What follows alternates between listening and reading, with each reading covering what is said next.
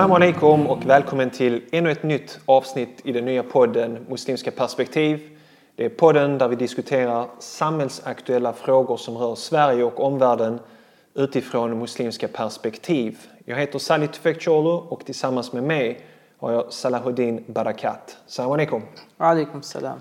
Idag befinner vi oss på ditt kontor. Ja, stämmer. På väggarna hänger det kalligrafier och eh, högt upp till tak en bokhylla med eh, böcker, vackra böcker med eh, arabisk text. Mm. Det är, vad ska man säga? Jag trivs här i alla fall. Ja, mashallah. Är du ofta här eller? Inte så ofta som jag önskar, Ja. men eh, jag försöker vara här när jag kan. Okej. Idag har vi ett, för mig i alla fall, spännande och aktuellt ämne som dyker upp vid jämna mellanrum. Och det är, behöver islam reformeras? Har du stött på det här? Väldigt mycket Ja. i olika kontexter. Eh, allt ifrån liksom, starkt muslimfientliga, islamfientliga personer, eh, eh, så kallade islamkritiker som kan väldigt lite om islam, till mer, vad ska man säga, vänligt sinnande, sinnade eller människor som, som i alla fall tror att de eh, har någon slags koll och, och liksom vill vårt bästa. Och ja, men det är klart, eh, islam, eh, man utgår från att islam är någonting dåligt. Man har någon slags bild där islam, något som behöver förändras helt enkelt. Eh, Och oftast i de sammanhangen eh, där man hör att islam behöver reformeras så får man höra ofta om reformationen. Att kristendomen har gått, gått igenom reformationen. Det här är någonting som saknas i islam. Man hör även det här med att islam är en yngre religion. Kristendomen är äldre, så är det liksom, islam är ett litet barn som fortfarande inte har utvecklats så som kristendomen är. Att man har inte kommit så långt i utvecklingen. Eh, Vi har till exempel eh, just det här med reformation. Eh, I den juni 2016 i dagen.se så fanns det en artikel som heter Islam behöver reformeras av Akbar Abdul Rasul där han även nämner det här med att kristendomen reformerades. Vi har även eh, en eh, Ayaan Hirsi Ali, den internationellt kända debattören med somalisk bakgrund som eh, var muslim, har lämnat islam och kommit ut med en bok som på svenska heter Reformera islam. Och i den här boken så säger hon så här. Det jag eftersträvar är ingenting mindre än en muslimsk reformation. Utan grundläggande ändra i några av islams centrala föreställningar kan vi inte lösa det brännande och allt mer globala problemet politiskt våld som utförs i religionens namn. Det är min fasta övertygelse. Hur ställer du dig till, till att islam behöver reformeras och om vi tar det här uttalandet av Ayaan Hirsi Ali?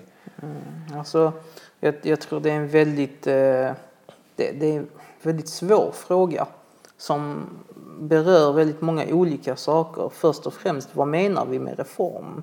Eh, vad eh, ska vi reformeras till? Eh, hela jämförelsen med kristendomen blir ganska problematisk som jag ser det. Och synen på politiskt våld eller våld i sin... Om jag säger så, är det något som inte behöver reformeras i islam så skulle det vara synen på våld. Den tycker jag är alldeles utmärkt precis som den är. Jo, I då- då- då- traditionell sunnitisk rätt, rättslära eh, enligt de skolor vi har. Eh, I princip så, så jag, jag ser inte alls någon, någon problem just i den punkten. Men, men jag lyssnade på en intervju med Ayaan Hirsi Ali där hon blev intervjuad av eh, eh, Jon Stewart i The Daily Show. Där han verkligen liksom pressade henne hårt. Och ett av hennes, liksom, i den här boken så lyfter hon flera liksom, punkter på vad islam behöver reformeras. Så i programmet så säger hon rakt av Jihad måste ut ur fönstret, det måste slängas, det måste bort. Jihad. Ja, precis.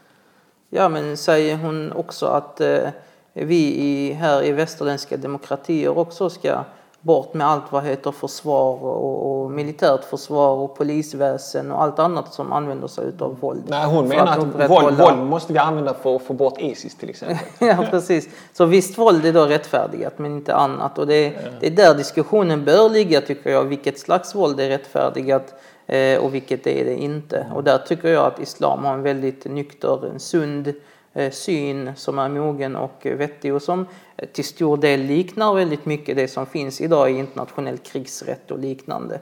Så det är ingenting problematiskt det. Men ofta tyvärr så utgår de här personerna från vissa yttringar av eh, islam eller vissa muslimska tolkningar som finns idag som vi kan anse vara extrema, just som Isis. Mm. Ja men okej, ser du på Isis och ser du att Isis är islam, mm. Då är det klart att det behövs en reformation. Det kan jag också tycka i så fall, om vi skulle köpa det, om vi mm. skulle ge med oss att visst Isis representerar islam, men det gör vi ju inte. Mm. Så att eh, det, det, har mycket med missföreställningar om vad islam faktiskt är och det är därför jag tror det är en svår fråga. Mm. Vad är islam?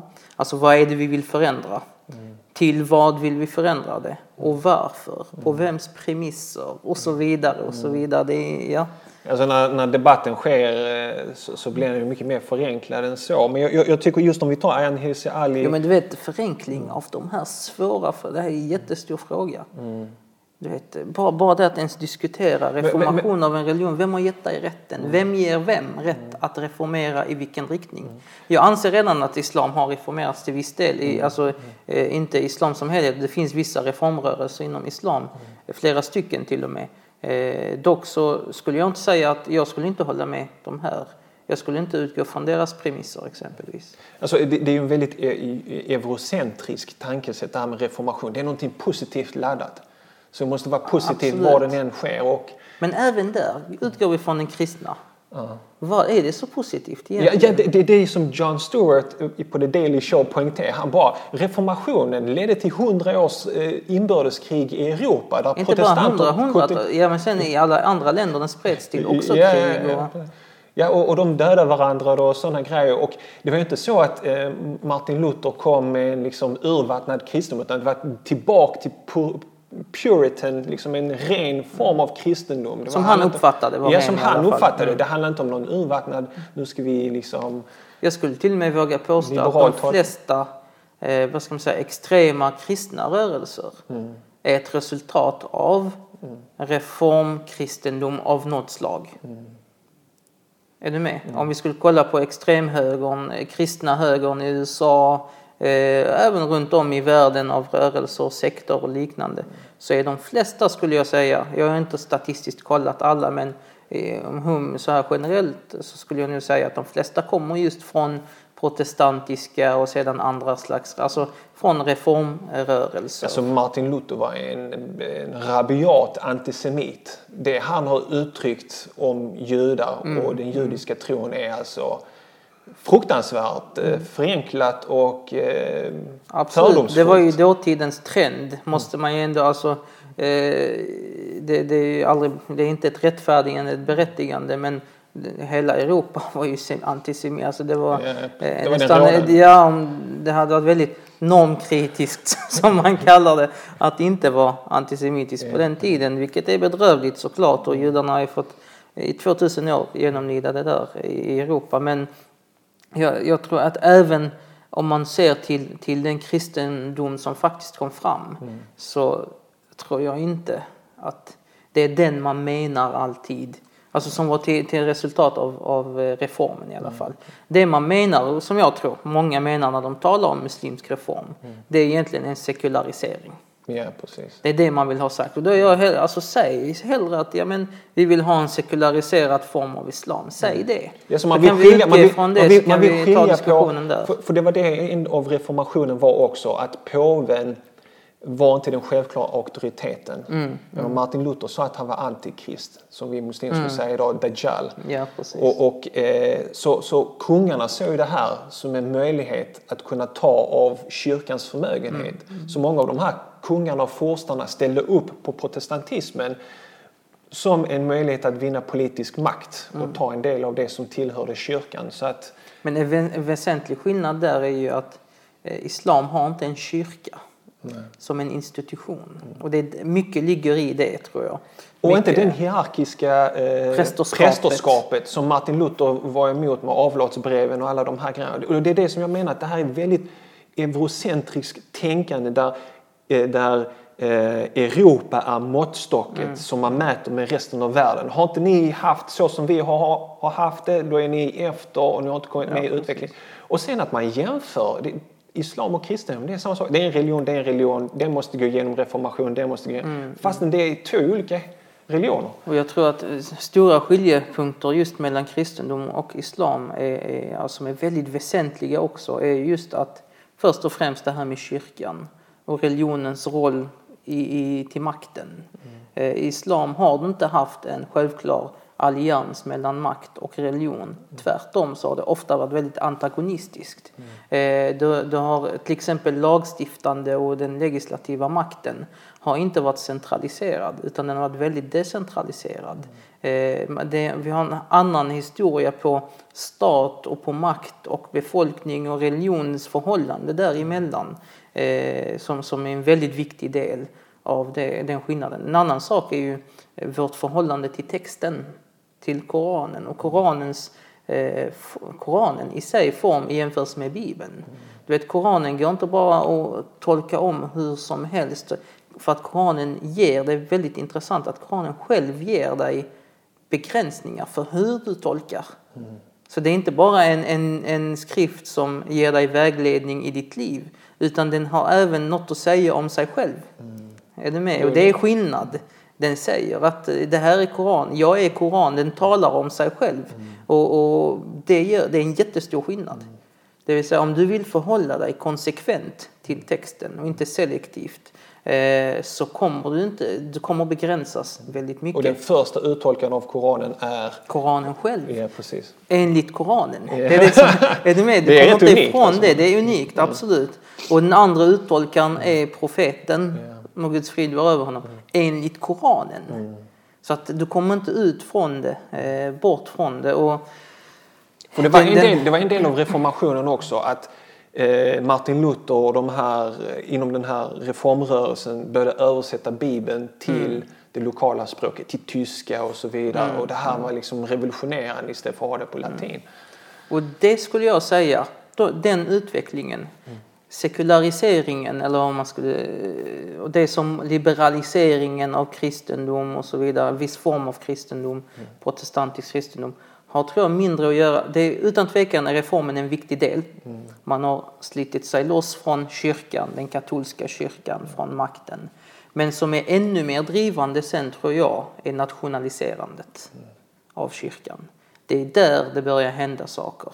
Eh, när man får en svensk kyrka, en dansk kyrka, en anglikansk kyrka och Har inte det mer med upplysningstiden också? Eh, absolut, det kommer in där också. Hela nationalbegreppet mm. och liknande. Men det, det tror jag, när du får när du isolerar kyrkorna från varandra, du har särat på kyrkorna bort från varandra, decentraliserat dem från eh, kyrkan, den tidiga stora kyrkan, då är det lättare att förändra och ändra och utveckla. Mm. Är du med? Mm. Eh, islam har inte en sån central, det finns ingen central kyrka utan Koranen är central. Mm. Och var du än kommer gå så är Koranen med oss. Mm. Det är den som är vår, alltså i, i förhållande till vad kyrkan är till, eh, till kristendom. Det fasta auktoriteten och så här så skulle jag säga att Koranen är vår eh, fasta auktoritet som vi inte kan liksom lämna. ett återvändande till den alltid kommer begränsa dina... Jag, jag, tänker också på det du nämnde med att eh, just det här med... Det är därför, förlåt, ja. det är därför vissa nu är väldigt ärliga och uppriktiga och säger att nej men vi måste göra oss av med delar av Koranen helt enkelt. Mm. Vi måste bortse, för de, de har insett att det inte går på något annat sätt. Mm. Vilket tycker jag är, är, är en del av islams storhet och styrka. Det är det som Ayan Hirsi Ali säger i den här intervjun. Att hon, hon säger liksom, jag tror inte att Koranen är gudomligt uppenbar. Jag tror det här är människ, en människas ord.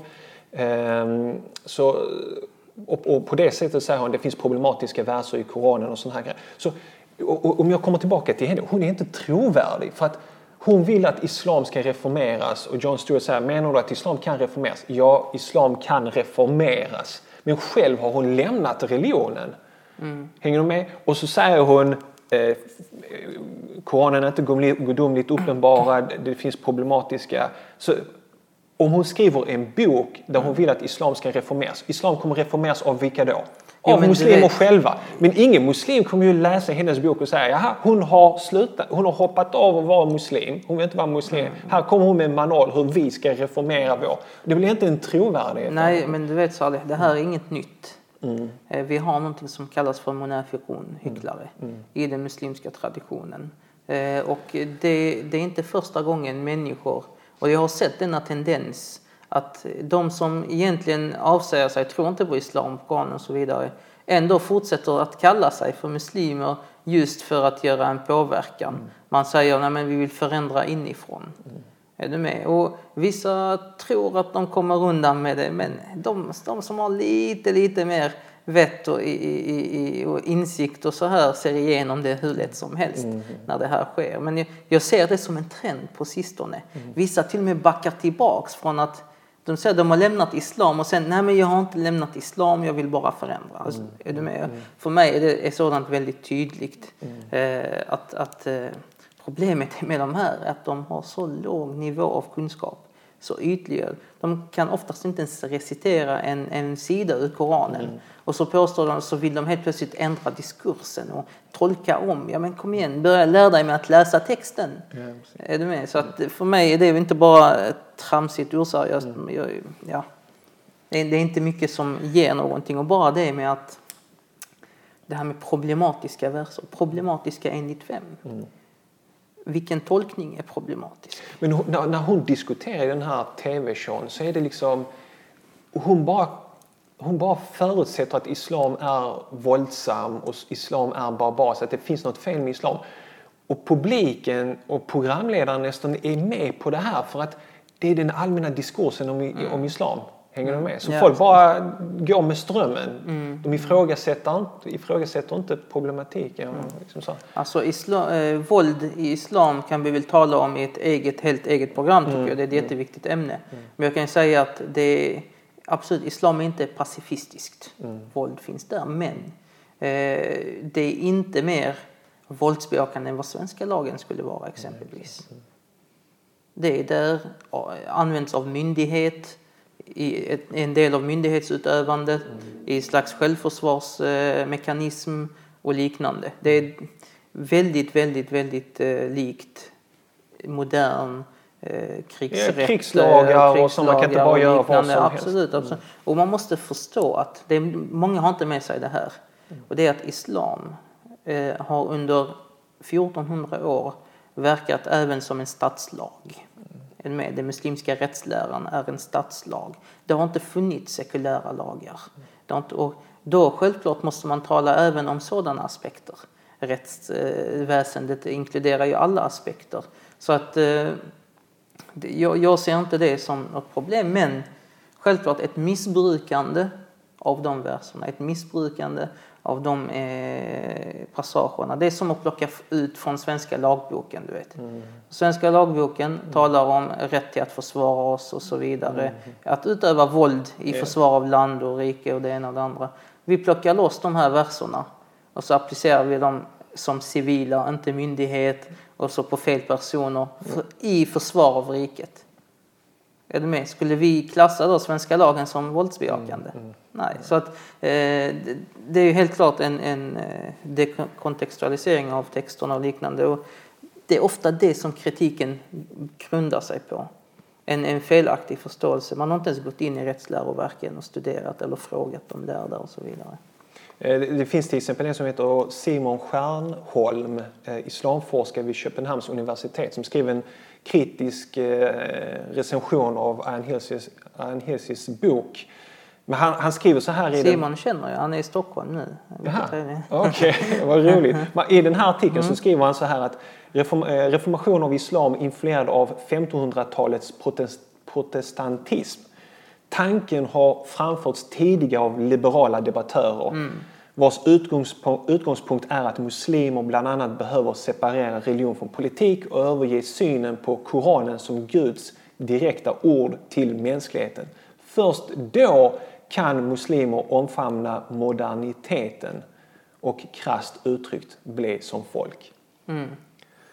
Alltså, om, Ja, ja, absolut. Det är en jättebra sammanfattning av Ja, ja. det är det som brukar föras fram. Liksom. Men problemen är Vill vi ens ha moderniteten? Vilken del av moderniteten? måste, måste det vara Vad så? menar vi ens med modernitet? Ja, ska, precis. eh, ska vi bli socialister? Eller ska vi bli liberalister? Eller Men reformationen handlade ju aldrig om att Bibeln inte är Guds ord. Nej, men jag tror det handlar mycket om, nej inte reform, reformationen i sig, men reformationen bidrog väl till en eh, lös, ett, ett, vad ska man säga, Bibelns helighet på något sätt eh, underminerades. När den började översättas och vem som helst kan ta i den och vem som Tolka helst kan tolka och så vidare. Nästa steg blir ju att man går in på texten och börjar kritisera texten. Är du med? Och på så sätt så har ju sen synen på Bibeln inom eh, stor del av den protestantiska kristendomen blivit att ja visst den är på något sätt inspirerad av Gud eller liknande men man har en väldigt lösare syn på det. Och Men det, det, det är också då att man, man har, det är som men det, det kan inte syn. ske på, med Koranen. Nej men det är en sån förenklad syn för att man tror att Bibeln och Koranen är samma grej. Precis. Tänker, Precis. Bibelns tillkomst och vad den hävdar om sig själv är något helt annat än hur, Koran, hur vi fick Koranen och vad den påstår om sig själv och liksom tradition och historia. Det är liksom två helt olika skrifter. Absolut, jag tror många som diskuterar på det här sättet jag vet inte om de inte vet eller om de, de tror att det kanske fungerar ändå. Det kan väl fungera till viss del, eh, till, till en viss grad. Men eh, det, det tror jag jag ser också. För jag anser att det har, som jag sa, vissa rörelser eh, inom den muslimska historien har en slags reform eh, liknande rörelse, eh, ja, tankegång. Och där ser man också det här tolkningen att man öppnar upp ishtihad till exempel till vem som helst. Eller det blir mycket vagare om vem kan göra det. är lättare att göra ishtihad. Du kan gå in direkt i Koran och Sunna och så vidare. Det ser jag som en slags väg dit. Eh, man, man urholkar traditionen, det som har liksom hållit gränserna lite grann och gardet och så vidare. Nu kan jag förstå att man gör det av vissa orsaker och man har kanske goda avsikter bakom men resultatet blir ändå något slags urholkande av heligheten eller av, av så här. Och om vi kommer till det där med liksom islam och islam behöver en eh, muslimsk Martin Luther och vissa debattörer har påstått liksom när Sisi kom upp på, på scenen. Eh, militärgeneralen i Egypten så var det många som sa han är den nya Martin Luther. Alltså, det finns debattörer som har, som har okej. påstått Ja, det. ja. Ayaan Hirsi Ali ser till Egypten som ett föregångsland Ja. för en reformerad islam och så vidare. Eh, men För mig är det en väldigt förenklad syn på islam och muslimer. Att islam inte haft en reform. Det känns som att vi, när folk kommer fram med de här påståendena, känns det precis som att muslimer aldrig har haft olika tänkare och filosofer. Och, du vet, Hela Imam Razalis debatt med, med filosoferna. Och jag, jag har ett exempel som jag brukar lyfta upp eh, kring det här. Det är eh, Ibn Tufail, en filosof. Känner du till honom? Ja. Han skrev en bok som heter Hej Ibn Yaqzan. Som handlar om en pojke som växer upp på en öde ö utan influenser utifrån. Han använder sitt rationella förnuft för att dra olika slutsatser om meningen med livet och så. Och det var ett sätt för honom att, att, att mena på att eh, filosofin kan ge oss svar. Det behöver inte komma gudomlig uppenbarelse för att vägleda människorna och ge människorna eh, liksom vägledning. Utan människan med egna rationella eh, förnuft kan, eh, kan komma fram till, till visdom och så vidare. Och, och som det står, jag, jag hittade på internet, jag tror det till och med var på Wikipedia, det står så här, Hej Ibn Yaqzan, eh, Ibn Tufail, översattes till latin på 1600-talet och ganska snart även till engelska. Eh, Det är uppenbart att den haft betydelse för upplysningstidens tankar om en naturlig pedagogik. Vad upplysningstiden egentligen? Jag tror inte det handlar så mycket om reformation utan upplysningstiden när vi fick de här vetenskapsmännen som var emot kyrkan som hade varit förtryckta, hänger med? Som sa att eh, vi behöver inte ha liksom Bibeln som rättesnöre i våra liv. Vi kan använda vetenskapen, vi kan komma fram till sanningar. Ja, det finns en Gud. Gud har bara skapat världen, sen har han dragit sig undan. Så vi är övergivna till oss själva, till vårt, nation, eh, till vårt förnuft och så vidare. Det är så vi, vi ska komma fram. Så vi har det här, eh, här Ibn vi har så många andra filosofer i den muslimska världen. Läser man islamisk historia, bara grunderna, så ser vi liksom Hänger du med? Och även modern tid med Nasser, eh, Nasser Alltså, jag tror- Egypten. Med soci- vi har prövat socialism, vi har prövat kommunism, vi har prövat nationalism. Vi har separerat religion från politik. Titta på Turkiet. Jag menar, du Men när man lyssnar på de här liberala debattörerna så låter det precis som att hela islam är som Saudiarabien eller Afghanistan. Ja, som där alla har bara tänkt på en och samma spår, men så är det ju inte alls. Absolut. Vad, vad är Man- dina tankar Ja, det är självklart att man generaliserar ofta men jag tror ändå de utgår från att majoriteten av folken, majoriteten av muslimerna har fortfarande någon slags traditionell förståelse. Eh, och eh, religionen kommer ändå, man har, vi har nästan fått påtryckt oss socialism och sekularism och allt vad det är. Det är inte så självvalt av folken utan det är påtryckta Kommer ideologier. Ja, visst, visst. Och man har inte köpt dem, man har inte sett att de har gett något, eh, de har inte löst problemen för det första. För att problemen har väldigt lite med det att göra om du frågar mig. Eh, och, och de bidrar inte till någon, moralen är inte högre. Eh, adab och akhlaq, uppträdande och beteende, mannerism är inte högre än vad det är i den muslimska traditionen. Tvärtom så ser man det är ett förfall. Eh, den eh, extrema individualismen som finns, eh, som, som förespråkas exempelvis, ser vi också som ett förfall. Eh, moraliskt sett lägre än den morallära som islam ger oss.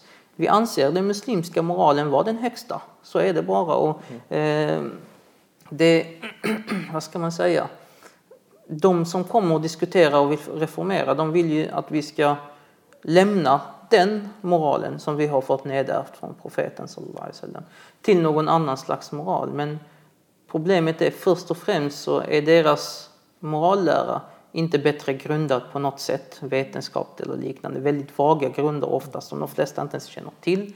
Och sen så är det inte bättre helt enkelt. Vi håller inte med om att det skulle vara bättre. Så varför skulle vi har inte ens köpt idén till att börja med. Majoriteten av oss i alla fall. Sen finns det ju de, kanske mycket på grund av mindervärdeskomplex. Det fanns ju på 1900-talet efter kolonialismen väldigt mycket mindervärdeskomplex och man, man såg den europeiska framgången. Man trodde att det hade med ideologi att göra, tankesätt, medan det hade kanske mer med våldsutövande och militärmakt och liknande och andra orsaker att göra. Så att jag tror, ja, det, det är inte...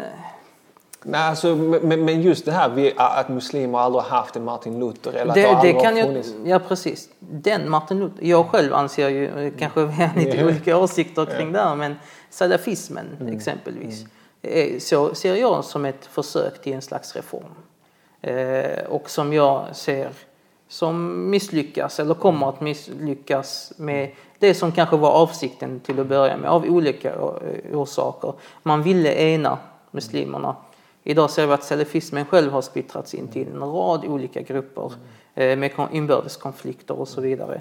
Man ville ta bort eh, vad ska man säga, skrock och sånt som fanns. Det fanns väldigt mycket som hade tillkommit av eh, det som vi kan alla vara överens är felaktigt och så vidare. Man ville få bort det och det är helt bra avsikt och så vidare. Men det har inte skett någon förändring. Tvärtom så har det lett till mer konflikter och mer.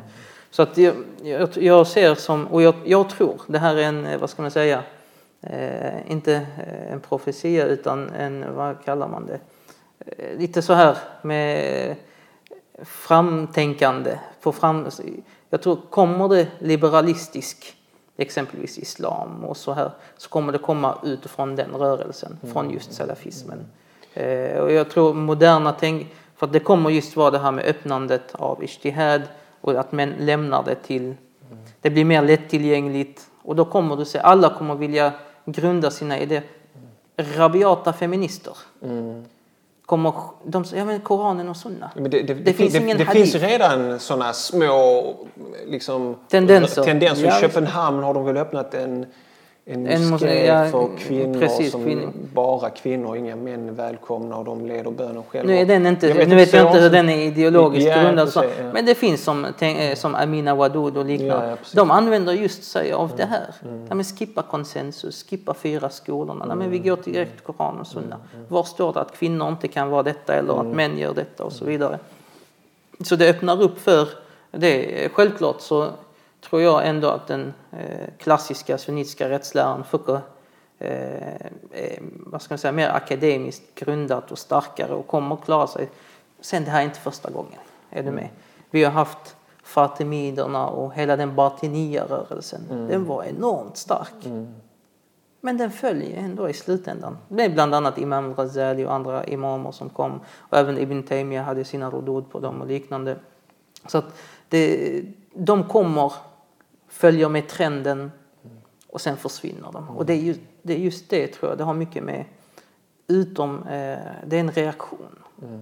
Det är inte inifrån. För att faktiskt är det så att vi i islam har någonting som kallas för tajdid, förnyelse. Och det finns en hadith där profeten sallallahu alaihi wasallam säger att eh, Gud kommer skicka vid eh, varje århundrade de eller den som kommer förnya er yujaddidu lakum amra dinikum. Förnya er religiös, era religiösa frågor eller er religion. Och den här förnyelsebegreppet har man talat om ofta. Och vissa har försökt missbruka det just för att få igång någon slags reform.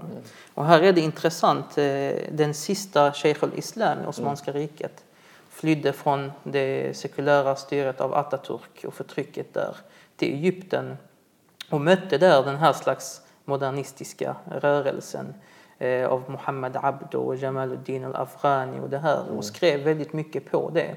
Han skriver i ett av hans eh, verk eh, där han tar upp detta. Han säger, eh, ska vi se, han säger just att det mesta som vi har sett, som han har då sett, utav det som kallas för tajdid, förnyelse.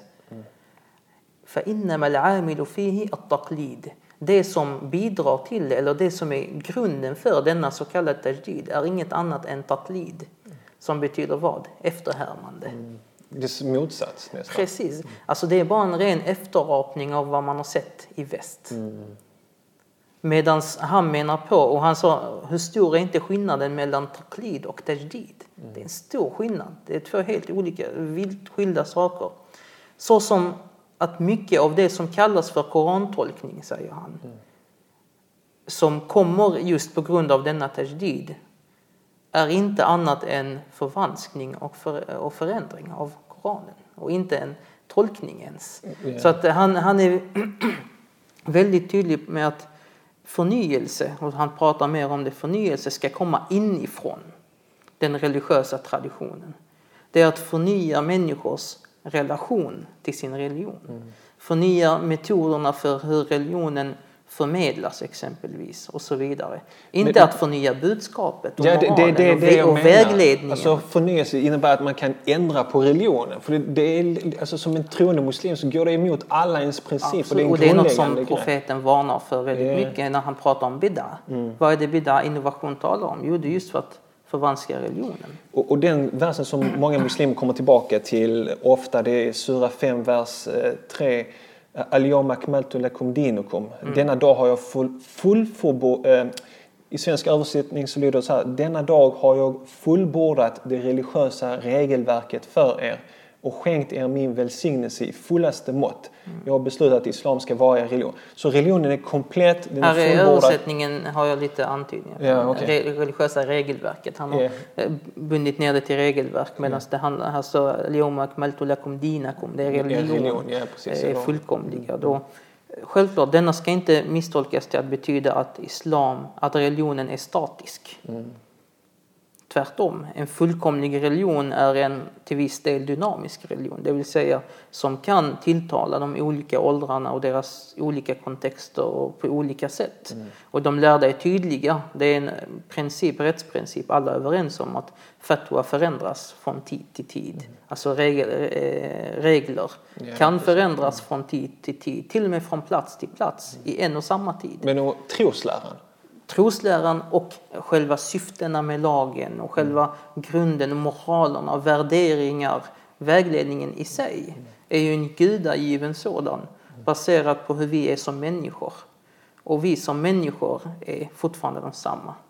En, en annan sak som eh, Hirsi Ali i, i sin bok eh, och, och i den här diskussionen i tv-program, det handlar mycket också om det här kritiken att muslimer ser profeten Muhammed över honom var Guds frid som den perfekta förebilden och den man ska eh, efterfölja så att allt det onda de gör det kommer tillbaka till honom. Så han ska inte ha den ställningen som han har idag. Och det går också emot Koranen. Vi läser till exempel Sura 33, vers 21. I Guds sändebud har ni ett gott föredöme för alla som med bävan och hopp ser fram mot mötet med Gud och den yttersta dagen och som ständigt har Gud för ögonen. Jag menar, لقد كان لكم في رسول الله أسوة så, så, حسنة och om, om, man, om vi pratar om Gud som skickar ett sändebud, det är klart att han kommer skicka den bästa sändebudet av dem alla, den bästa människan som någonsin har levat. Jag Det, tror det är att- sådana grundbultar som hon menar liksom islam måste reformeras. Att om man gör så som hon säger så kommer man inte vara muslim längre. Alltså, det, det, vi kan, vi kan Jag glömma tror- att prata om islam. Jag tror, då, jag tror att vi måste vara självkritiska. Eh, vi gillar, jag gillar självkritik och jag anser det som en del av vårt sätt att bli bättre människor, att ständigt kritisera oss själva.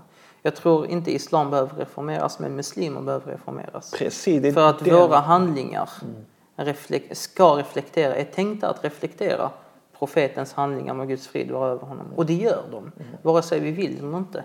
När en muslim som uttryckligen är muslim eller syns, ser ut som en muslim, gör någonting så kommer det att kopplas till sändebudet med Guds frid vara över honom. Och när muslimer tyvärr beter sig allt annat än profetiskt i sitt beteende, ja då vi gör inte bara oss själva en otjänst och religionen och vi, vi, vi sätter profeten med Guds frid vara över honom i, eh, i en position som inte som han står långt över.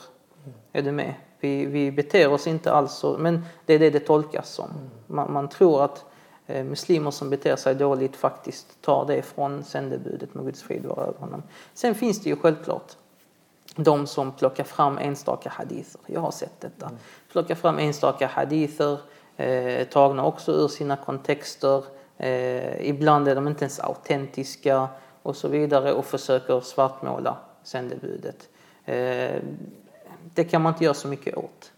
Självklart. Men det, vi har också mycket som vi gör eller som muslimer eller de som vi anspråk på att vara muslimer gör som reflekterar väldigt dåligt och som leder till att man säger sånt som Ayan Hirsi Ali säger till exempel.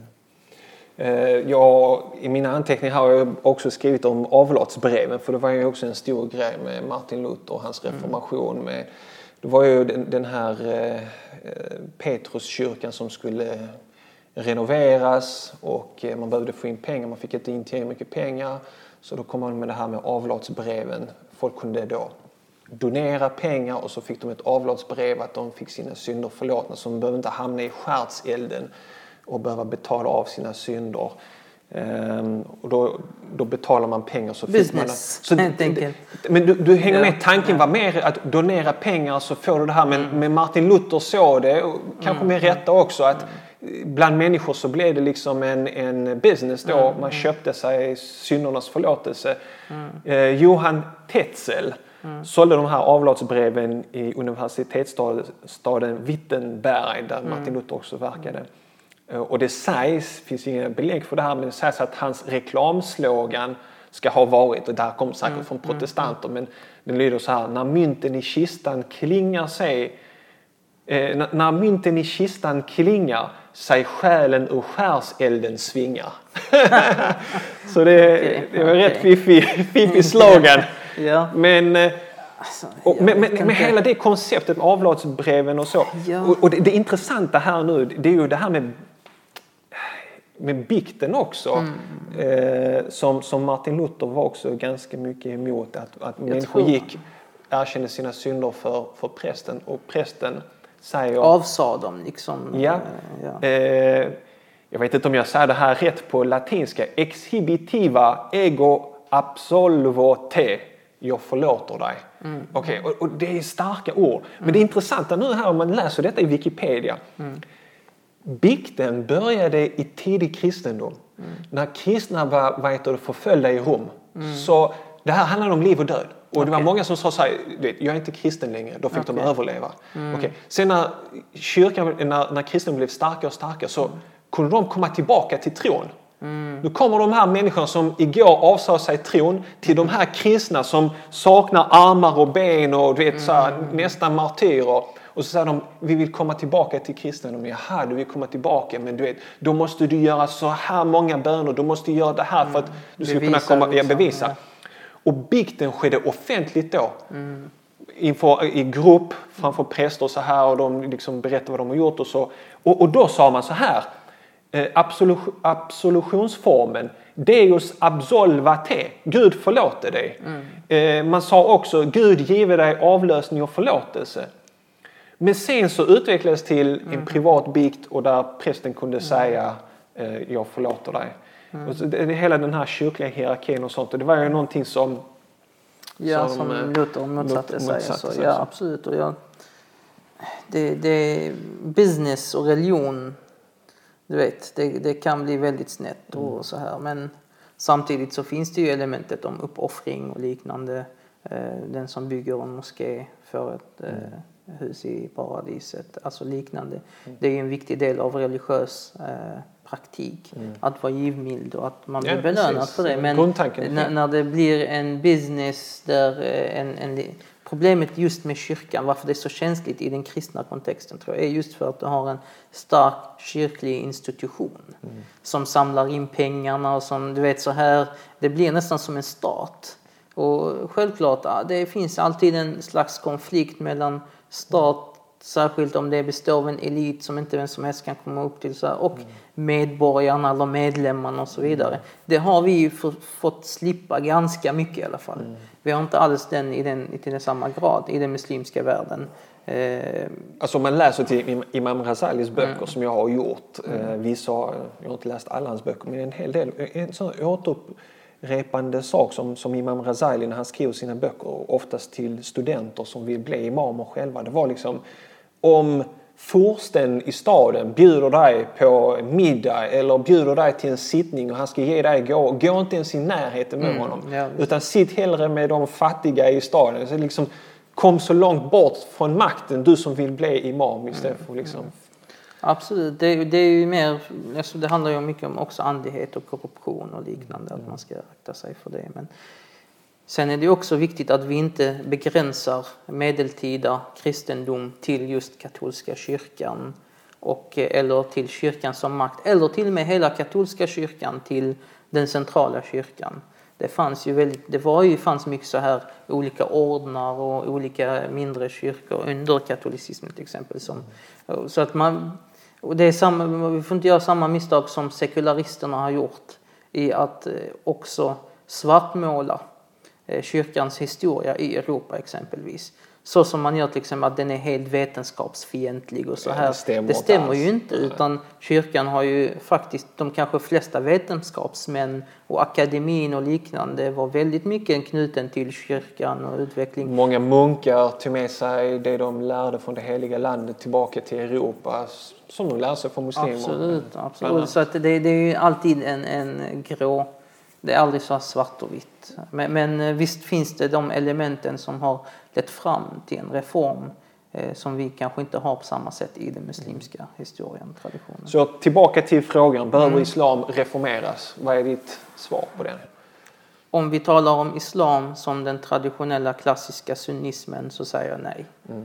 Eh, och det är som sagt, och det är bara en, en sak här. Det är, liksom, det är rätt så eh, kul att se hur så kallade vetenskapsmän talar, du vet inom, eh, inom vetenskapen, inom den moderna islamforskning och liknande så är man, det finns inte ett islam. Utan det, varje tolkning är en, så det finns många islam och man talar på det sättet. Och visst utifrån ett sekulärt perspektiv så stämmer det ju det. Alltså, alla definierar sig som muslimer. Ja, om du inte är troende själv och du ser det utifrån och inte vill döma så säger du alla de är muslimer och de har sin olika- egen islam. Ja. Precis. Eh, Även om vi utifrån ett muslimskt perspektiv kanske inte skulle hålla med fullt ut. Nej. Så, så ser man att samma personer som kan säga det en mening, nästa mening säger vi måste reformera islam. Vilken menar du? Är du med? Mm. Ja. Vilken menar du? Eller de kritiserar islam. Islam måste göra, man pratar islam i Mm. så här en, som att det är en, en homogen grupp. Jag menar om jag som muslim gör det och jag menar med islam en viss riktning eller så här, det är en sak. Men om du som sekulär forskare gör det, ja det är lite Du säger emot det du ja, sa ja, det är precis lite för en liten stund sedan.